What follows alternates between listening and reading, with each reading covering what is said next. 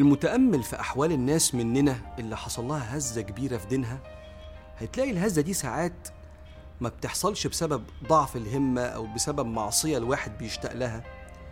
إنما بتحصل الهزة دي بسبب صدمة في إنسان كنت شايفه متدين. فافترضت كده بعقلك الباطن فيه الكمال. فلما اتفتن الإنسان ده أو صدر منه ما لا يتوقع من الخطأ أنت كمان اتفتنت. وانهارت أمامك الفكرة كلها. يعني هذا الشخص اللي كان صاحب دين سرق أو كذب أو ارتكب فاحشة أو تصرف تصرف أخلاقي صادم. فتصاب أنت بخيبة الأمل تخليك تبعد عن الدين لأن هذا الإنسان كان رمز الدين بالنسبة لك. طب نعمل إيه حتى لا يفتنا أحد؟ المعنى ده لا يفتنك أحد ربنا سبحانه وتعالى كلمك عنه في القرآن عشان يحميك. فقال لك إن قدوتك ورمزك في الدنيا هو سيدنا رسول الله عليه الصلاة والسلام. بسم الله الرحمن الرحيم. لقد كان لكم في رسول الله أسوة حسنة. وقال لك يا أيها الذين آمنوا عليكم أنفسكم لا يضركم من ضل إذا اهتديتم. ياخد المعنى ده سيدنا عبد الله بن مسعود تلميذ رسول الله عليه الصلاة والسلام ويصيغه في عبارة من ذهب. يقول لك إيه؟ لا يقلدن أحدكم دينه رجلا.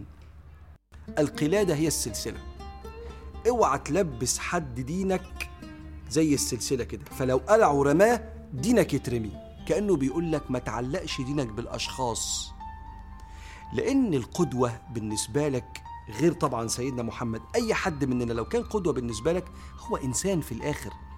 إنسان يعتريه النقصان يغضب وبعدين يندم ويتوب ويضعف أمام شهوته وبعدين يستغفر ربنا وبعدين يغفل عن ربنا ثم سرعان ما يتذكر. إنسان فلازم نحترم في بعض البشرية دي. وهذه البشرية والأخطاء لا تنفي أنه من المتقين بل إن أخطاء حبايبنا جزء من رحلة سيرهم إلى الله سبحانه وتعالى. حتى لو حبايبنا دول هم كانوا قدواتنا وأساتذتنا.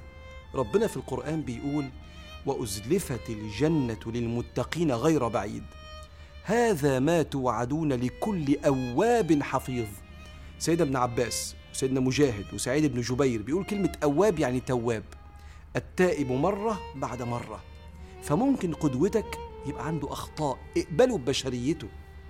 عشان كده إحنا دايما نقول للغرب ما تحكموش على الإسلام من المسلمين وإنت كمان اعمل كده.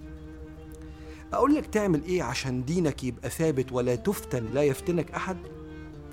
اتعرف كويس قوي على سيدنا رسول الله عليه الصلاة والسلام.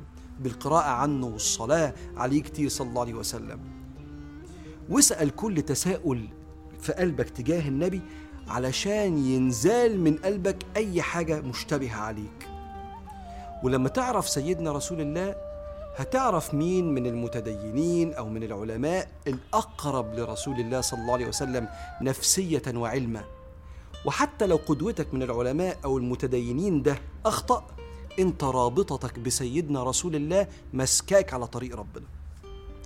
فلا تشخصن الدين. الدين مش شخص. الدين من عند ربنا وبتصرف رسول الله صلى الله عليه وسلم. فلو شخصنت الدين في حد معين غير سيدنا رسول الله لو هذا الشخص أحسن هتحسن.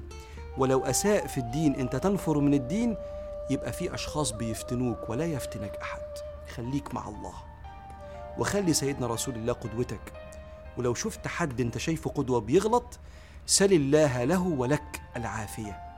وما تنساش فضله عليك في يوم من الأيام حتى لو غلط بعد كده. فاللهم ثبتنا يا مولانا وثبت أحبابنا وقدواتنا وجميع المؤمنين والمؤمنات يا ممسك الأرض والسماوات.